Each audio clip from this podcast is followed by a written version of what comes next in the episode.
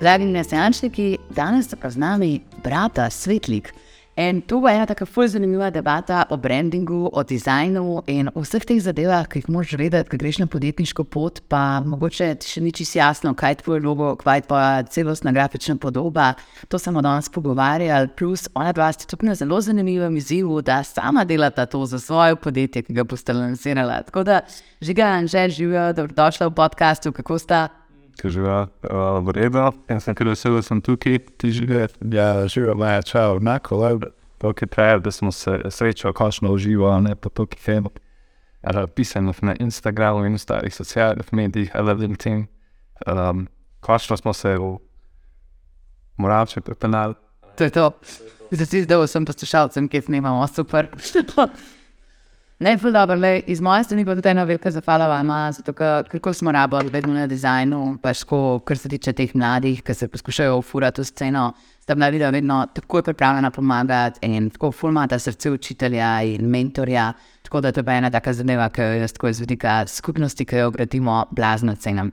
Zdaj pa gremo kar na vajno predstavitve, a bi mički povedala sebi na začetku, pač tako, kaj so te ključne karierne prilomnice, ki so zaznambale vajno pot.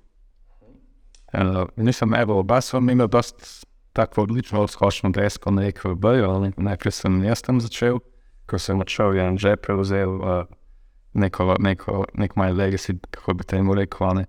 Um, in EKB je v tem času dosti hitro rastel, iz enega zelo meknega v bistvu podjetja je bilo treba ja, nekako vzdrževati ta dizajn, ki smo ga vzpostavili.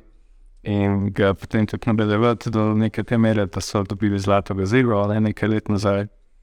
Um, in ja, za mene je bila to odlična skočna deska. Ne? Ja, mogoče si kot en mlad študent, tih svaksa ne bi mogel boljšega želeti. Uh, za tebe? Če zdaj moraš še povedati, da živiš v Nemčiji. A, ok, ja, seveda, zdaj trenutno sem v Nemčiji, ampak uh, koliko že dve leti, malo več, ampak zdaj se nadobudno planiram nazaj vrniti v Slovenijo. To, enega bomo dobili nazaj. Točno tako je. Tujina je super, ampak mogoče v Sloveniji še malo bolj super, ali? ker danes uh, se da tudi dela za tujino iz tukaj, ali? in to je tudi ena taka čist, čist fajn zgodba. Zdaj pa delaš na Alfa-Kul, ne podjetje. Tako, uh, Alfa Cool, ja, kot smo prej rekli, omenjali, oni so, bi rekel, konkurent, direktor. Um, in kako me je Alfa Cool v bistvu nekaj rekrutiral, ker sam je bilo zaradi tega, kar sem v boju ustvaril. Mi je bilo to zelo všeč in v bistvu še med študijem, ko sem študiral v tujini, torej v Italiji, spet nekje druge. Uh, so me oni kontaktirali in smo se nekako debato vrgli, in na koncu tudi spoznali, tudi kaj mi danes sami. Um, in ja, sem tam na koncu pri njih pristal in zdaj nekako prihajam nazaj, ampak bomo razmerili nekako hranili. Delo remote Slovenije za nek drug brand in to bo čez vino delali. A, saj ista časovna cona smo. Tako. To pomaga, ne? Sem nekakšnih takih uh, večjih zadržkov. A še kaj pa ti, ti si pa zdaj prevzel žezlo tam na EKB-ju, ampak pa si tudi nekaj svoje zdaj v delu, kaj pa tvoja pot?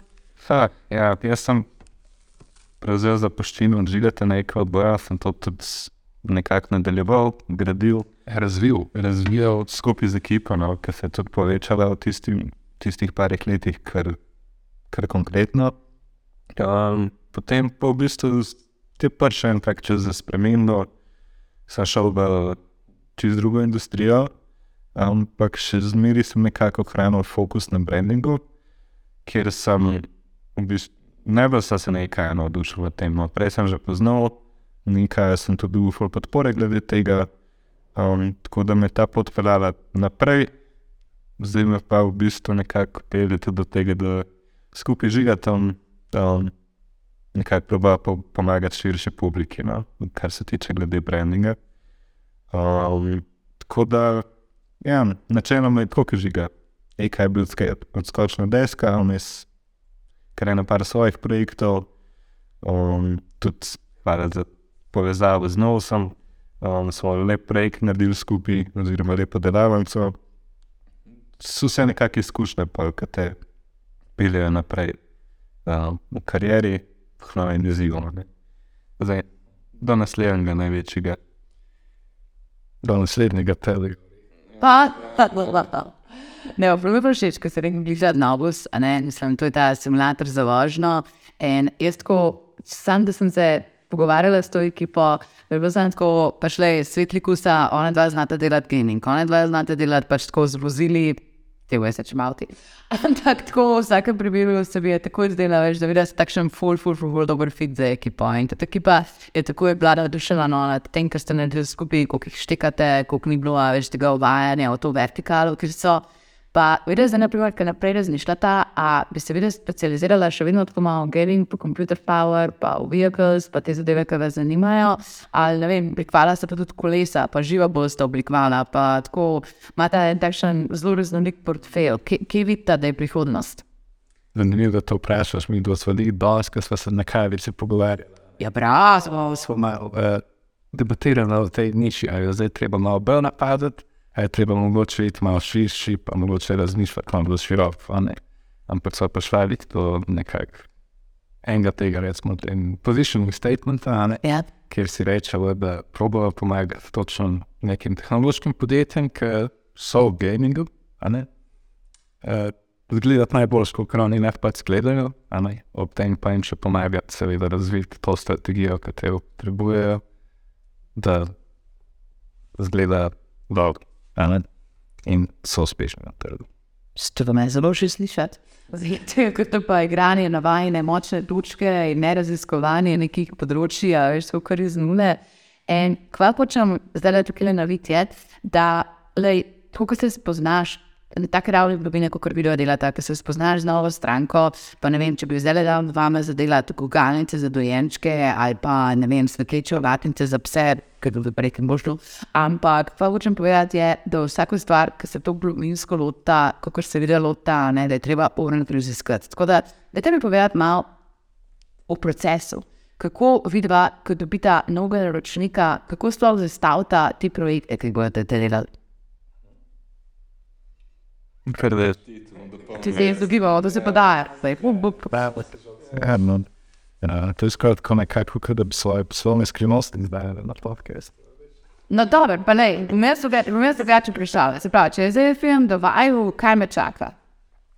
Najprej bi naredili en zelo obširen intervju, a ne, um, kjer bi najbrž ugotovili, kaj si ti sploh želiš v bistvu. a ne, ker, a, Veliko ljudi bi rekel, dostopajo oziroma naredi prvi pristop k dizajnerjem, da reče, hej, mi rabimo, mi rabimo nov logo.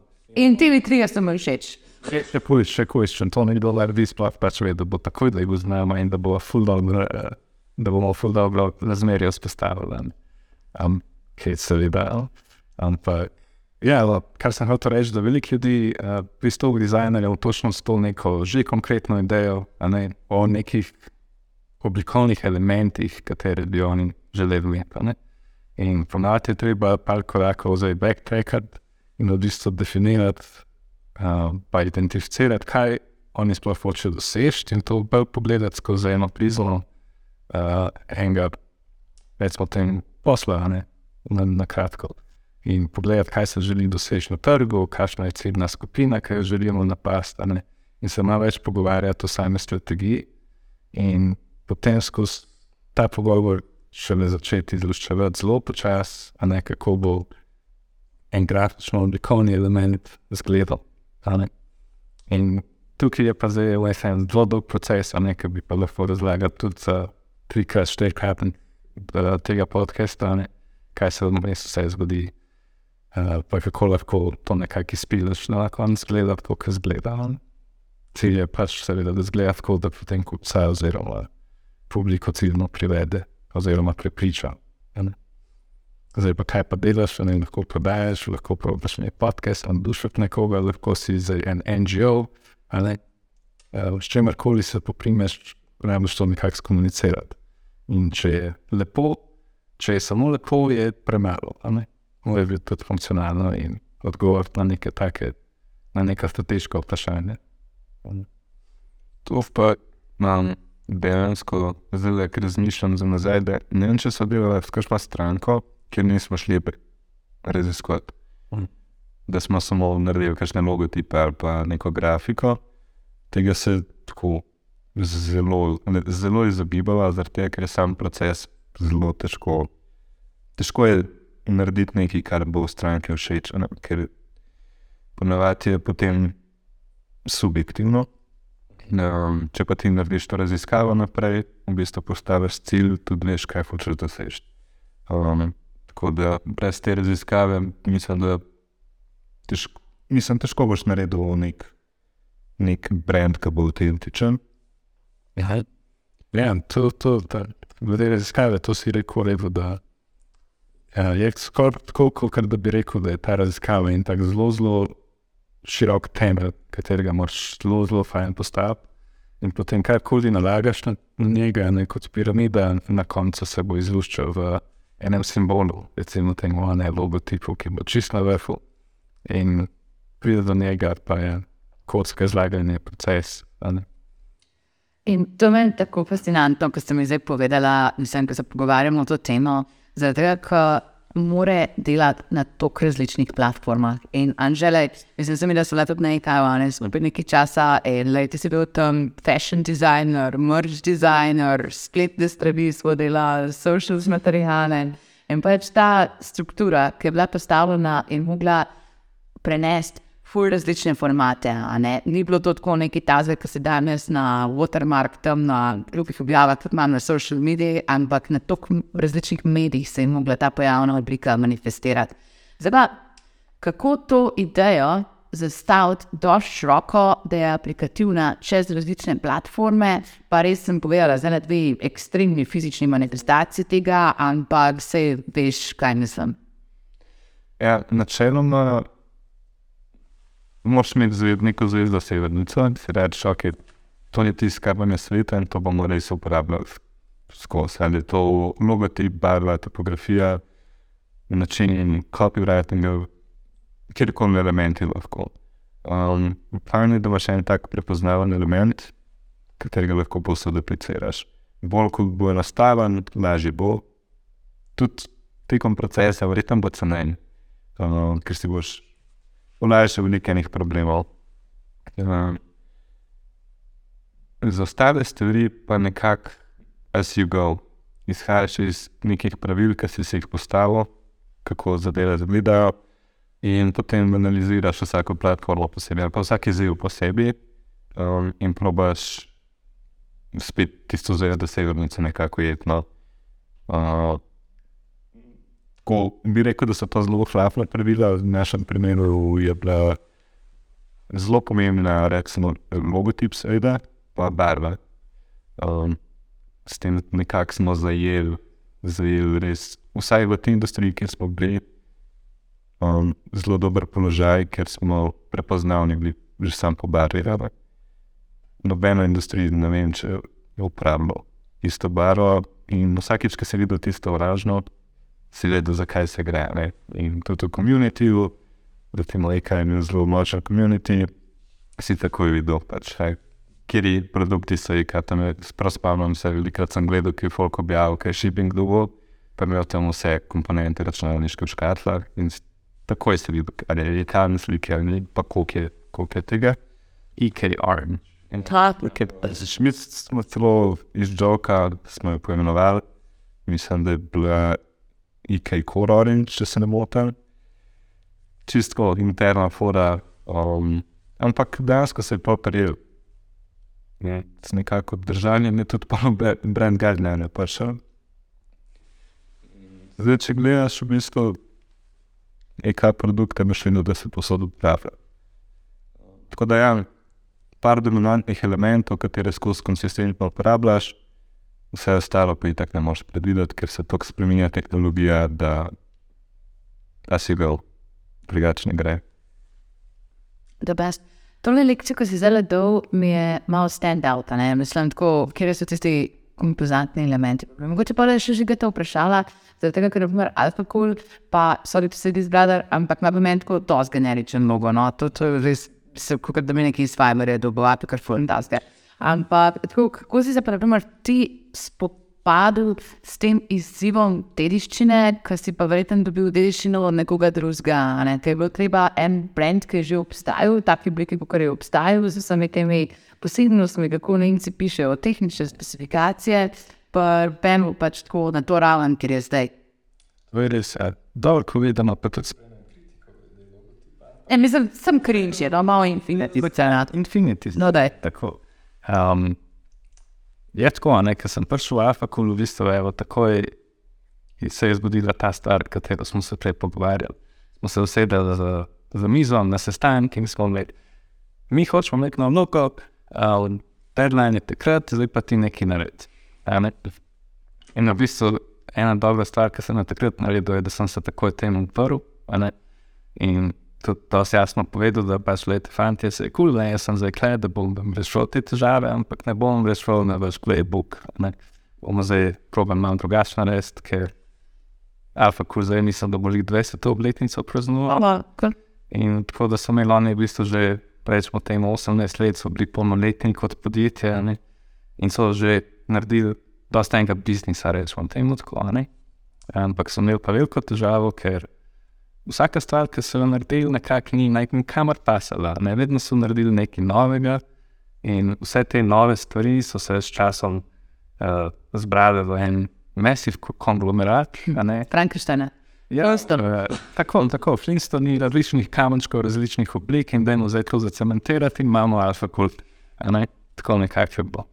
In v bistvu, um, tudi kot podjetje, čeprav so bili zdaj rečemo polnoletni, 18 let stari, uh, zelo niso dobro razumeli v bistvu dizajna, pa kaj to je, pa kaj to predstavlja, ne? ampak so pa full hot, ne so pa full hot, da odkriti to, ker pač evo. So pogledali, kaj pa so rekli, da je ta IK Orange, ne se kaj pa so, tako da IK naročiš, veš, da si IK naročil in da si dobil to, kar si plačal. Um, tako da v bistvu ja, um, malo so se mogli priti temu initial drive, um, pa nekako ljudem razložiti, da vemo, da so te stvari lotiti počasi, malo strateško in smo šli čez serijo intervjujev. Bilo je fulfajn, da mi je tam recimo direktor pustil intervjuja čisto vsakega zaposlenega, a ne in sem vsakim nekako naredil en tak mini, mini pogovor v kavi, pa sploh kaj ti počneš v firmu, kako ti vidiš firmo zdaj, kako jo vidiš v prihodnosti. In smo eno tako matriko postavili, um, glede percepcije internih ljudi, pa njihovega dela, pa izgleda tudi recimo. Um, in kaj je bilo takrat?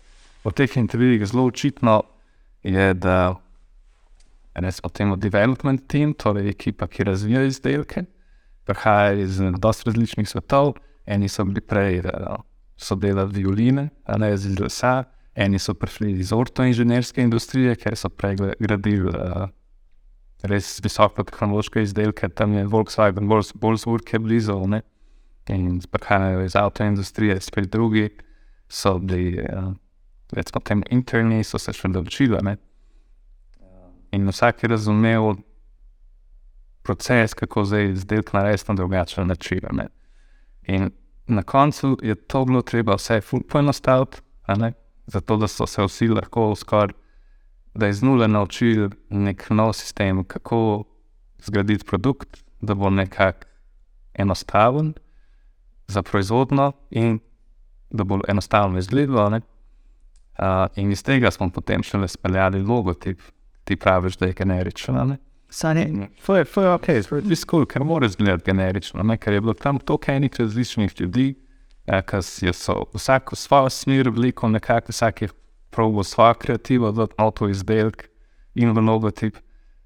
In je bilo treba to nekako poenostaviti do te mere, da je vsem razumljivo, in na koncu preračunati tudi to, da nekako recimo produkt, ta CNC produkt, katerega oni šmirajo, da preživi čim manj časa v CNC mašini. In na koncu ta krivulja, ki ti praviš, infiniti znak je tako krivden, lepa ne, in izračunana na neko tako minimalno površino, ker se ta CNC svet vrti. In iz te forme izhaja potem ta infiniti krivulja. Ne?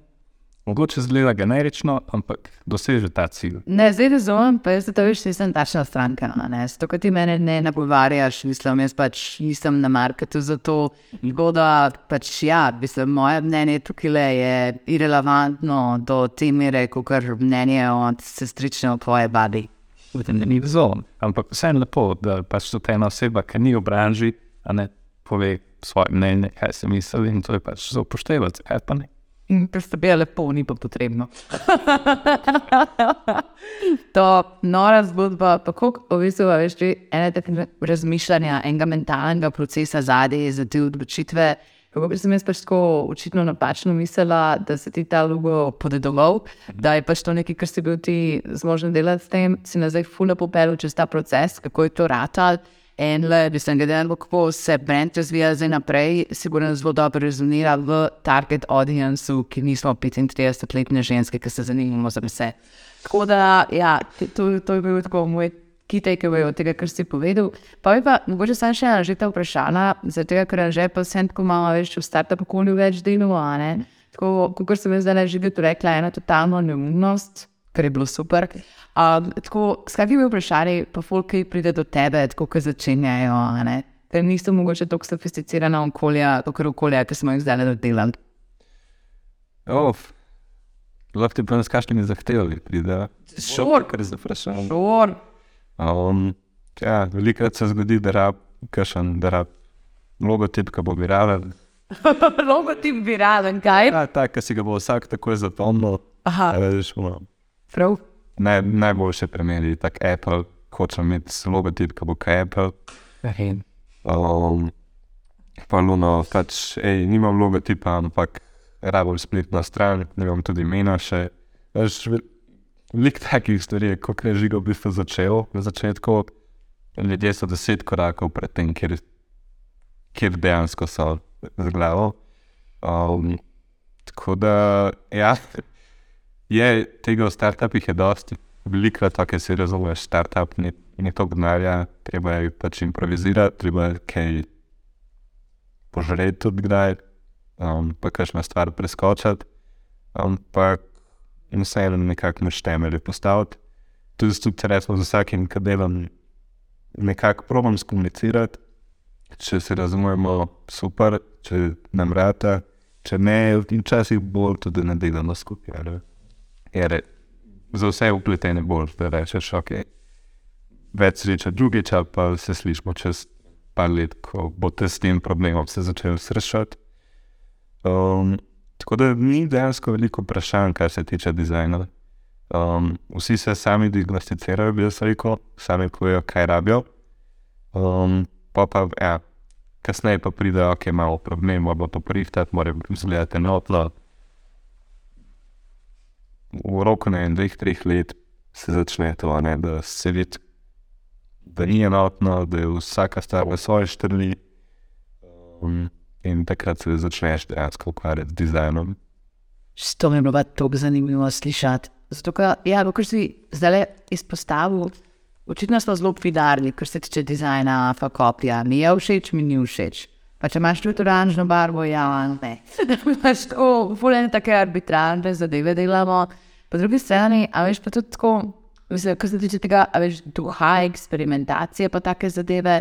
Vedno, kadar hočeš ohraniti svojo identiteto, imaš po drugi strani, a veš, tako izziv, da mogoče ne dobivaš dosti feedbacka iz trga, pa kar koli ta zdaj. In raziskava, ajde, jaz pol verjamem v raziskave, sem pol geek na raziskave, pač tako na ben moj ni šel čez proces, brez tega, da bi delal customer intervjuje. Čutim, če sem kete, nisem postila, da bi sama kete delal.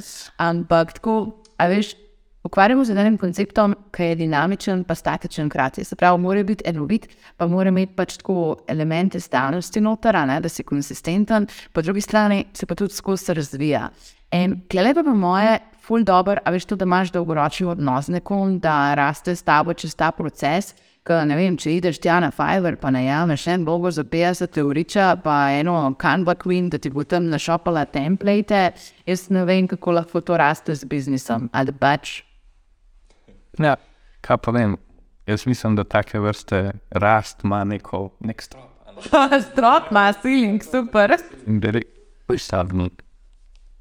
In že je prej omenil, kao, ne, da se za startup, kao, pol dveh, treh letih, ne, da se začnejo neke te pač prve resnejše ovire, ki jih ne moreš maybe premagati za Canva, Queen Designer, ali nekaj. In takrat je ponavadi treba posežiti po nekomu, ki ima malo več kilometrine nekomu, ki bo mogoče malo več računal, da bo rešil ta problem. Kar je takrat mogoče tudi najbolj, najbolj verjetno, da so se te problemi tudi nakopičili. In tisti, ki bo takrat posegel po nekomu, da bo zdaj vse to rešil, bo pač tudi najbrž uh, malo razočaran nad predračunom, ki ga bo dobil od enega fajnega dizajnerja. Recimo, ne.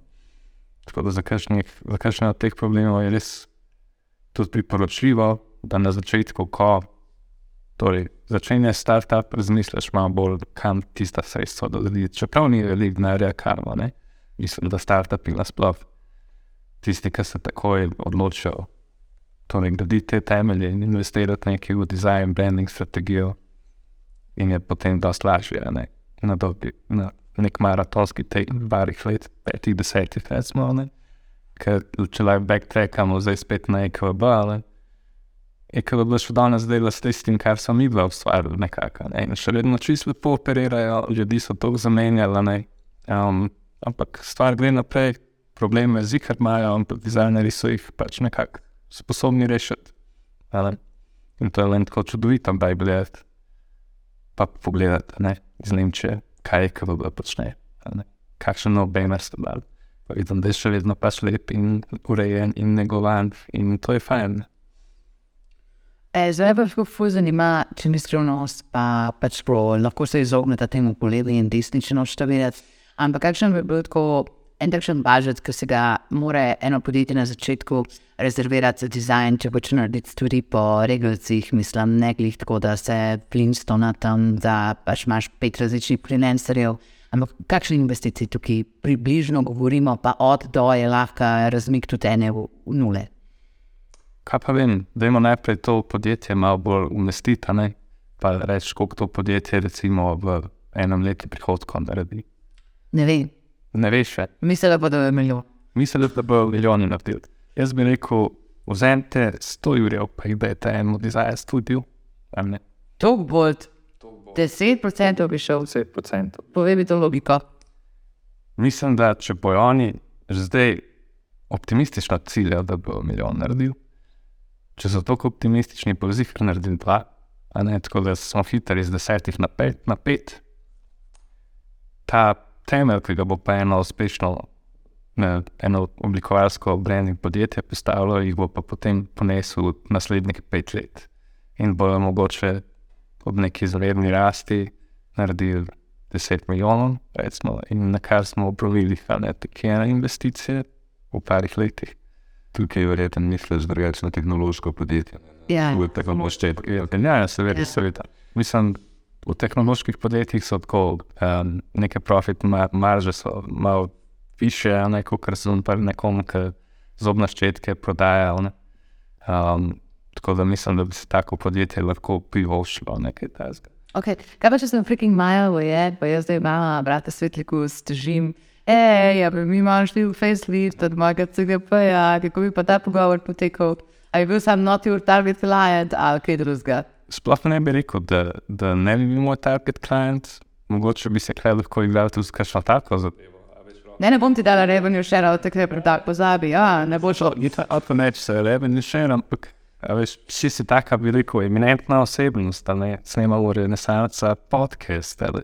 In um, sam biti del tega, pa naučiti se kaj od ene take osebe, ali še tudi pač eno čast za dizajnerja in lahko se veliko naučiš, čeprav kaj zagovarjamo tukaj zdaj, uh, nobenih free logotov, več nobenih Ne. free, ja, Ne, veš, ne, ne, ne. ne, ne, seveda, ampak skozi sodelovanje, a ne z neko tako stranko, s katero si mogoče želiš delati, se lahko tudi kot dizajner veliko naučiš. Ja, zdaj pa flatero čisto. Zdaj bomo pa še Anže kaj povedati, tudi da si jaz opomorem od tega čudovitega komplimenta, hvala lepa. Zdaj pa gledaj, račun, to ful. Računam, če zelo, že te tu pošle. Rekel minus ne. Um, ja, f- ki- ja, kje smo ostali? Ja, mislim, da se pravi, da je tam neko 100 jurjev, 100 jurjev za dizajn, jaz sem rekla, grem še za pesko, mislim, tako nek solo brand, a pa karkoli tasga, pač kakšne so pa pol dimenzije, tako da pa mi je žige malo ponaskal in zdaj sem jaz tako zaprepadena, da te rabim, da govoriš. Tako. Ne, ampak tako, več eh, malo bi rekel, glede teh ne. Um, a se vprašamo, kdaj, zakaj startup gre v banko pa vzame kredit za kakšno drugo operacijo, ki mogoče ni tako pomembna kao kot dizajn. Fair. a veš. Ja. In bankirji pač dajo in pričakujejo pač to tudi dobiti nazaj. Recimo, a ne. Zakaj ne bi šel kot startup v banko pa rekel, hej, uh, gospod bankir, a bi mi dal 100 ur, jaz imam tukaj odličen dizajn studio in oni bodo meni naredili vse tipi topi za naslednjih deset let, bom jaz rešen. In takrat lahko svoje sredstva pa nekaj drugega dam, ali v razvoj, ali v uh, ne vem, s čim se sta, startupi različnih vrst ne srečujejo. Na dolgi rok prešparajo in lahko pač tja svoje sredstva usmerijo, mogoče malo bolj učinkovito. To je ideja, ki jo jaz v Life še nisem slišala, ki mi je po moje čisto popestrila moj intelektualen dan. Uh, pa jo bom pregnala naprej, mislim, ful, ful, ful zanimivo, ker dizajn je element ustvarjanja dodane vrednosti, pa konkurenčne prednosti. In tako, ko se zdaj pogovarjamo o investiciji za deset let, kot da bi bila stavba skoraj že. je tudi pa še tako ful zanimivo področje. Ampak, ej, pa bi pa še jaz naprej od te zelo, zelo, zelo bolj ideje, vseeno malo bolj na te aplikativne zadeve. In zdaj moram poprašati o modnih smernicah na področju dizajna in temu, kar je trenutno se dogaja. Tako, kjer so ti trendi, ki se vam zdijo trajni, mislim, tako, a Comic Sans še lahko uporabljam, Word Art še vedno think, tako, kaj se dogaja na področju dizajna, fanta? Ki jih omenjaš, Comic Sans, kako da. Hej, da čit, da čit stvar je zdaj, ki se ti dizajn. Ok, Imamo tudi tu, bi rekel, v Sloveniji ena par pač ljudi, ki to delajo. Mislim, ena od njih je Nate Spike, a ne greš njegov Instagram, pogledaj, zgleda anti-design, ste čist. a ne. Ampak bude neverjetno uspešen v svetu, a ne, in pač s tem World Comic Sans stilom, a ne recimo pač vlečeni trend, je nek trendsetter, a ne. Ne, In drugače pa če se dotaknem bolj enih takih, kaj se ima mainstream. monster stvari. Um, pa povem, zdaj greš recimo poletje, bo greš v Hajen, vidiš, da je pač vse v neon barvah, vse v uh, marker zelenih, oranžnih, ali rumenih. In to se tudi pozna, recimo, na v website dizajnu, recimo.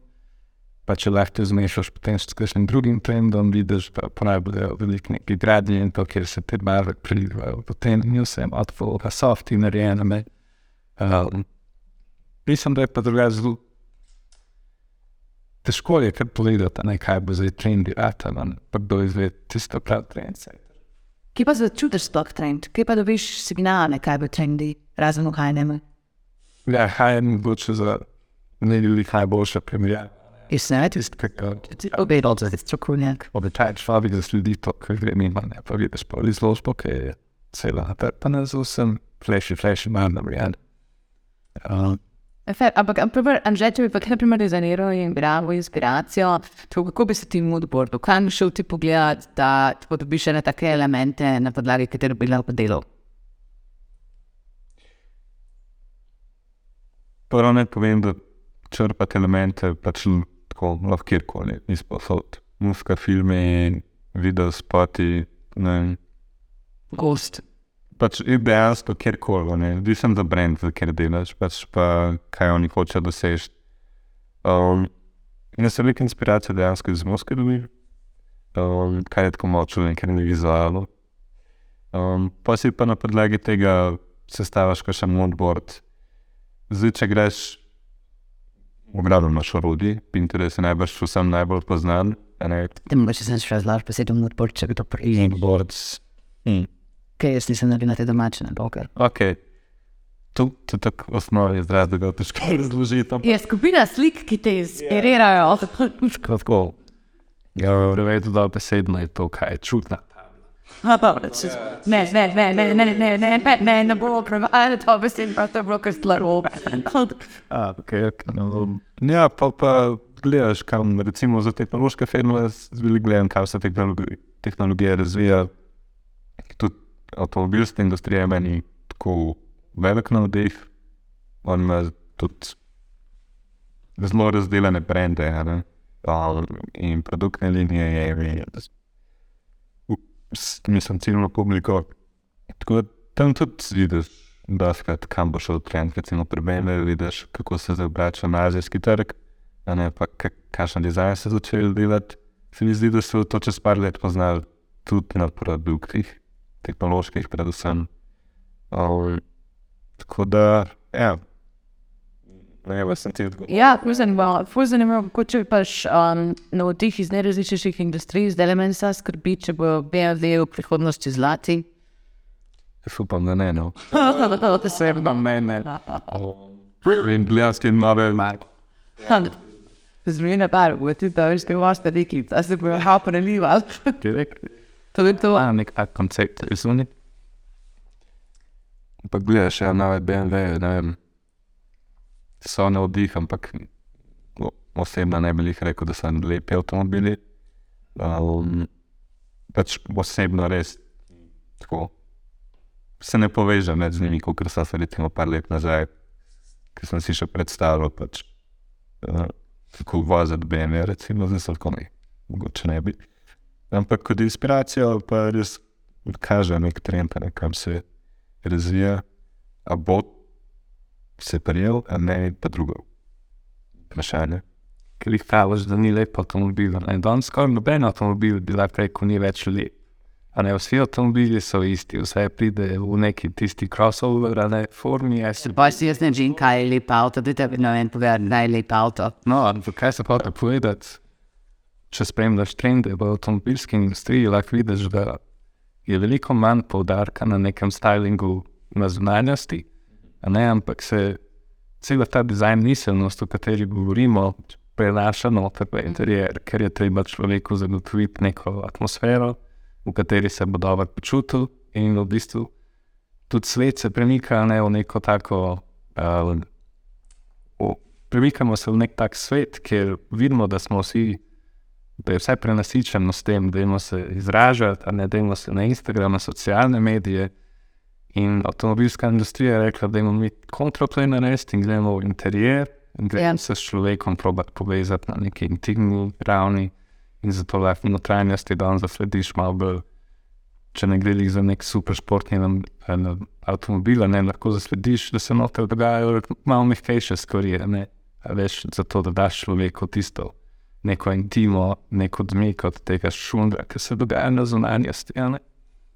Ej, kako je bila to lepa zgodba, pa fulno je spominjam tisto, kar je prej že rekel o packagingu, pa tako, kako je bila že tako jasno, kaj je kira naprava, pa take zadeve. Zato, ko včasih, a veš, ko res pri your face samo ta dizajn, kaj bi prodalo, pa velik oranžen gub, ki ima bus, veš, že to, da klikneš. Hej, to zelo pač dizajn v funkciji prodaja, ne, v resnici pa tako zanemarjam mnogo krat pač celotno izkušnjo, nakupno izkušnjo, ki jo ima stranka. In tukaj, da se pa imajo veliko biznisov dejansko predkovidnih. a ne. Tako Zanima nas točka do prodaje, kar se tiče dizajna. Ne, vem, ne zanima me pa jih ful nujno, kako vas zdaj mi da naredila pač že novoletne poščilnice za moje stranke, a pa poslove za mailinge, ki bom čas komunicirala z njimi, a pa tako tasta. In klej mogoče tudi malo kratkovidnosti a veš, iz naše strateške smeri, v smislu, da pač vse už naredil na teh vhodnih materialih, pač zato, da se v res vdal, pol pa bolj mačevsk nos, oziroma nekaj nekaš razmišljati, te zmanjka. Kako vi dva iz vidika brandinga to handlata? Jaz nekako verjamem, da pač, kot smo govorili, ta vizualna identiteta, ne, to je en del brenda. Ja, En je brend, ima tako mnogo nekih touchpointov. Um, in vsaka taka stvar je zelo pomembna in je treba dati pozornost. Je pa ne moš vsega, vsake stvari ne moš nameniti pozornosti. Um, zato je pa pomembno, da ti veš, pač, kaj kot brend hočeš in da usmeriš pozornost. Ja. Da, če hočeš ti kot brend biti, ne vem, bi rekel, arhetip enega caretakerja, pa um, boš tudi usmeril v customer support, verjetno veliko več fokusa in boš pač to izkušnjo oblikoval. Ne, tako da bo jo ti brand touchpointi vsi delovali, da bo jasno da, ja, nekako na ta, na ta način mislim, da tekamo ponoviti te zadeve. Mora se pa odločiti. Zmeraj je stara odločitve, ker če hočeš vse narediti, tako način boš dobro. ne? totalno, ja. Ej, a lahko samo eno vprašanje, ki se ne bo rekel, pič, zato ker si rekel, da ti ne on živce, da ti ljudje vidijo na tebe, da se to že temen, da se jo iz tega menja.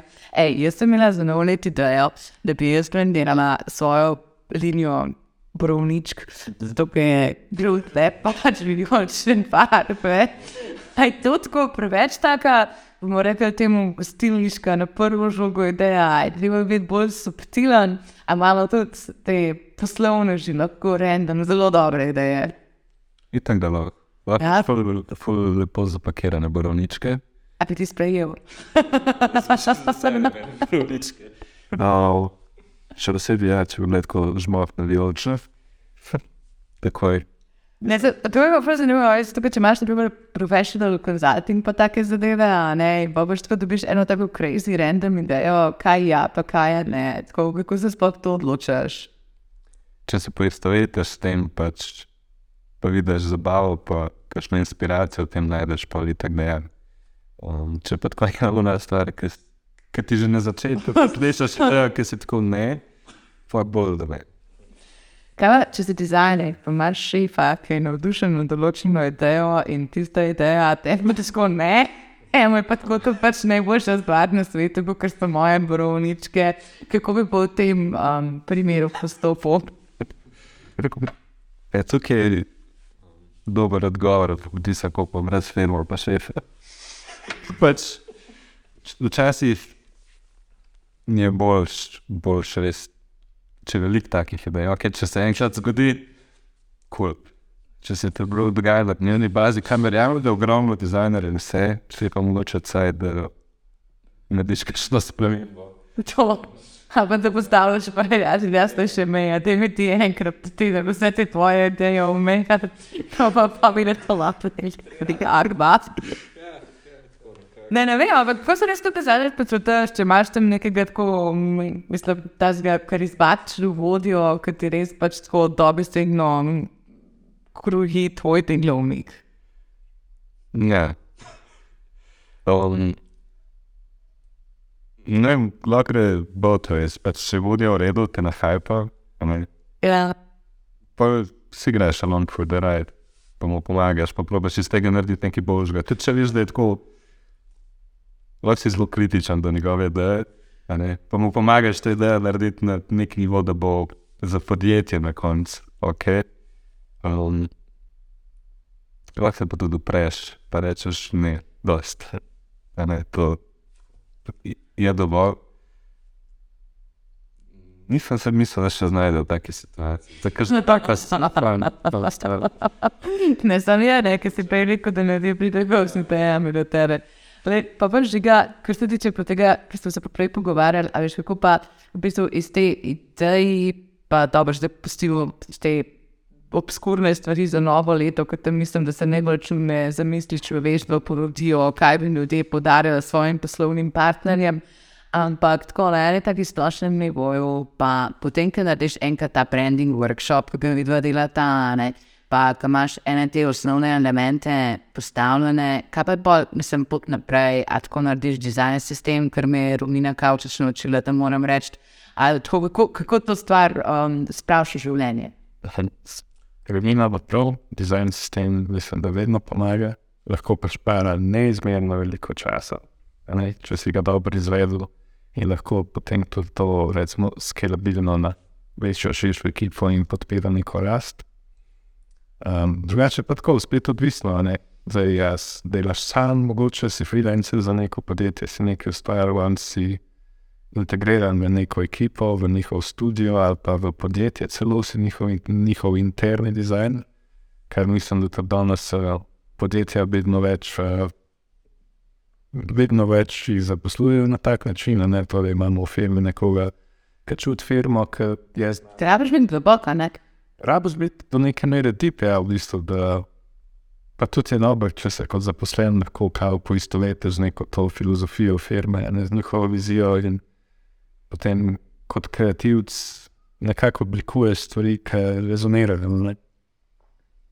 Mogoče tukaj tudi oblikovalci, da uh, pridejo do nekega konflikta, ne, tako kot si prej rekla, kot če bi bil tak, ne, ko bo on hotel rozast, ne, brek barva je pa rdeča, recimo. A veš, če je, prihaja pa do nekih takih konfliktov, morda. ne. Um, kreativci, tako vsi, ko delajo, delamo um, to, kar počnemo, delamo iz ene notrajnosti, a ne dajemo svoje čutila nekako v vizualni svet. In potem smo tudi zelo hitro užaljeni, a ne če mogoče nekomu nekaj ni všeč, ali pa če nam je bil mogoče konflikt s tem, kar smo ustvarjali. Ne, ne čuti tega, lih tako, kot mi. Um, zdaj, recimo, če delaš v podjetju, ki ima brand guideline definirano rdečo, pa če ti šef reče, jaz raje imel modro, rozasto, ti le rečeš, le, gospod šef, imamo kaj intern dokument, ki pravi, da ne moramo se iti, tvoje ideje, a ne? Ja, več. Um, bi pa rekel, ja, da uh, kafe ustvarjanje za naprej. Spet je odvisno od tega, kako dobro se temelje poštimo na začetku. Od tega je odvisno, ali bo lahko, ali boš užival pri tem, kar delaš, ali se boš matril na vsakem koraku.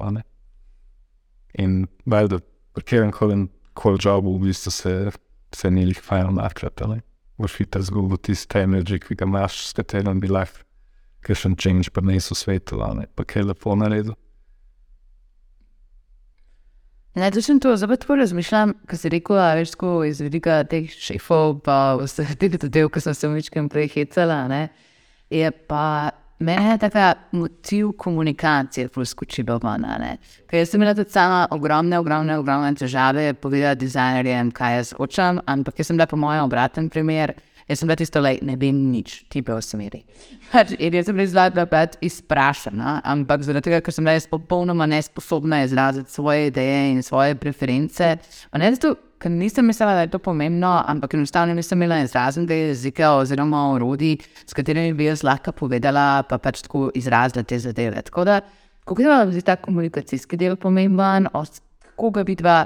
Mogoče, a veš, imate kakšne orodja, pa kakšne tehnike, kako sploh, ne vem, z nekim takim klientom, pa zdaj ne rečem, da sem jaz primer popolnega klienta, jaz sem po mojem klient hell, in z vidika dizajna, ker res ne dam več povedati, ampak um, tako, kako pa te komunikacijske išče rešujemo?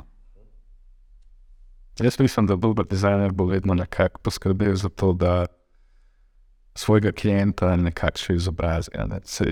Mi vemo, da v dizajnerji smo vsi kao nekako podkojeni z neko. Uh, z nekim oblikovnim izrazoslovjem, ne pač smo hodili v šolo, ne bi smo se sami učili, se vsem gledamo podcaste, YouTube videe. Naši klienti pa delajo biznis, pa gledajo biznis podcaste, pa se učijo o poslu. ne. Zdaj, če vzpostaviš neko obojestransko komunikacijo, play, da eden razume drugega, ali uh, samo biznis owner, ki je uh, dizajnerjev. Um, kaj pa vem, zelo je težko v bistvu. Moraš se dobro razumeti, mi do zanžetom ponavadi rečemo, da gremo na kavo, a ne in se na kavi probamo pa zmeniti. Um, in pa, kaj pa vem, se ne vem, kaj bi še povedal. Nezaupanje je moče. Ja, veliko je tudi tega zaupanja. Mislim, lažje je, če ti stranka zaupa, Ja. To poenostavi celoten proces. Um, je pa tudi res, da pač veliko dizajnerjev, recimo, se, ne bom rekel, presaj komunikacije, ampak pri projektu skriva svoje delo in ga na koncu pokaže, ko je logotip narejen. Ali pa ko je od Ja, to je grand, the grand. A pa si umejo, veš, že kako ponudbi, imate pravico do dveh interacij, pojte, čakaš tudi na klient strani, da, le, veš, tega skonista zdaj. Recimo, jaz bi rekel, iteracije, recimo do dveh iteracij, to je čisto ok, ampak da je tekom procesa, ko ti delaš, pokažeš, razložiš logiko, ki si jo imel, a ne, vključ stranko, pokaži, kakšen proces si imel, zakaj si se tako odločil. Te stvari, če razložiš stranko, v bistvu, kot bi rekel, onboardaš ne, na svoj trening in pa pričete skupaj. Um, in to se mi zdi, da je ključnega pomena v katerem koli dizajn procesu. Definiraj problem, loti se ga in razloži stranke, zakaj si tako nekakšno stvar naredil um, in kako si do tega prišel. In v 80 postov primerov se izogneš konfliktov, pa še tistih 20 postov, bom rekel, ena par padalcev in je sprejet, ki pride na konec procesa, pa reče, to mi ni všeč. To se veliko dogaja tudi v dizajnu, a ne. tako da če imaš eno stranko, ne kje decision makerja, pa z njim. Pečeš proces vodi ga. enega, enega, enega decision makerja, ne pa na vse svoje bratace, sosede pošle to, če jim je to všeč. To, kako, kako pa, mislim, ta kolektivni pan možganov, ki se pač ti dizajni in ti s- to všeč, tako moja draga soseda Minka, a ti je to gud. Decision by collective je tako vedno ena slaba ideja, nisem zajedno, moje kjerkoli razne novelitve. Sa, sem pa svojemu čatu poslala, pa je rekel, da bi bilo bilo veliko boljše. Že da se je, da se je, da ne pa kam do reka, da je roza ni všeč. Sorry, Anžen. Mislim, če to je res. Se pravi, en moj treba da pa tisto veto. Ne, Lahko jih je tudi več, ampak ne bo na začetku definiran, Ja, pa usklajeni, da jih pač vodiš. ne. Najhuje, res najhujše primer je to, ko pač prijemaš domov. Ja, reče ženja, ti je to všeč, pa žena reče ne. Vsa strategija gre čez okno, vse gre čez okno. povedi. Imamo srečo, da se ne ukvarjamo s takimi. Ja. To, to so bili začetki, ki so bili na začetku. Something takega. Isa, Da smo ono govorili eno uro skoraj, pa res v onih slabih začetkih sploh nismo povedali. Nič, ali. Na začetku jaz mislim, da velika večina dizajnerjev se ukvarja z nekimi takimi problemi. Ne? Ampak je vse to en del, ene rasti, pa ene kilometrine, ki jo moraš res, zato da potem, ko enkrat prečkaš ta veliki gap, a nekaj do uspeha, pa mogoče veliko ljudi na poti, ki prečkajo ta gap, kvitne, a ne pa grejo delati nekaj drugega. Ampak če ustrajaš, pa če se ukvarjaš s temi problemi, ki so pač daneska, to dela stran, pa ne smiselni, čisto ne, ne da se nam več s tem ukvarjati. Ampak se spomnimo, ki smo jih imeli, pa smo jih prečkali, pa danes pač je imel bolj sve tudi dejamem, sem zdaj tu že že postavil vprašanje, pač kaj so vajeni, če bi na sveti za ljudi, ki začenjajo na tej poti. Ja. Če delaš for free, delaš za nekaj, kar ti je mar, to je prva stvar. Če vzameš projekt, ki je tako, vem, ti nekdo ponudi 50 evrov za logotip, raj reč ti ga naredim za sploh. Um, ker bi 50 evrov, rata pa 50 ur, to je dela, ja, konc računaš, bi ti že dela za en evro na uro. Ko si enkrat računal 50 evrov, naslednjič računaj 100. Ja, to je 200, to, Tam. Tako da fej. to je, to je res, ja. Mm. Drugač, ja. Ne vem, začetki so tako zanimivi. Mislim, da mora vsak najti nek svoj način, kako prijeti v to industrijo. Um, enim je verjetno malo lažje, enim ne. In jaz mislim, da sem začel, ker sem delal neke kataloge za alkoholno pijačo, in sem se takrat noro zabaval. Bil sem plačan za pijačo, seveda. O, tako da to je, to je bilo zanimivo. no. Išče inspiracijo drugje kot na spletu. To je ena, po mojem, ker bi kratko se podpisala. Ne? vem, pet tisto prvo nedeljo v Ljubljano, pa pet v Narodno galerijo za stonje, pa se sprehod. Prej je Maja rekla, da greš v gost, v gost, da najdeš inspiracijo.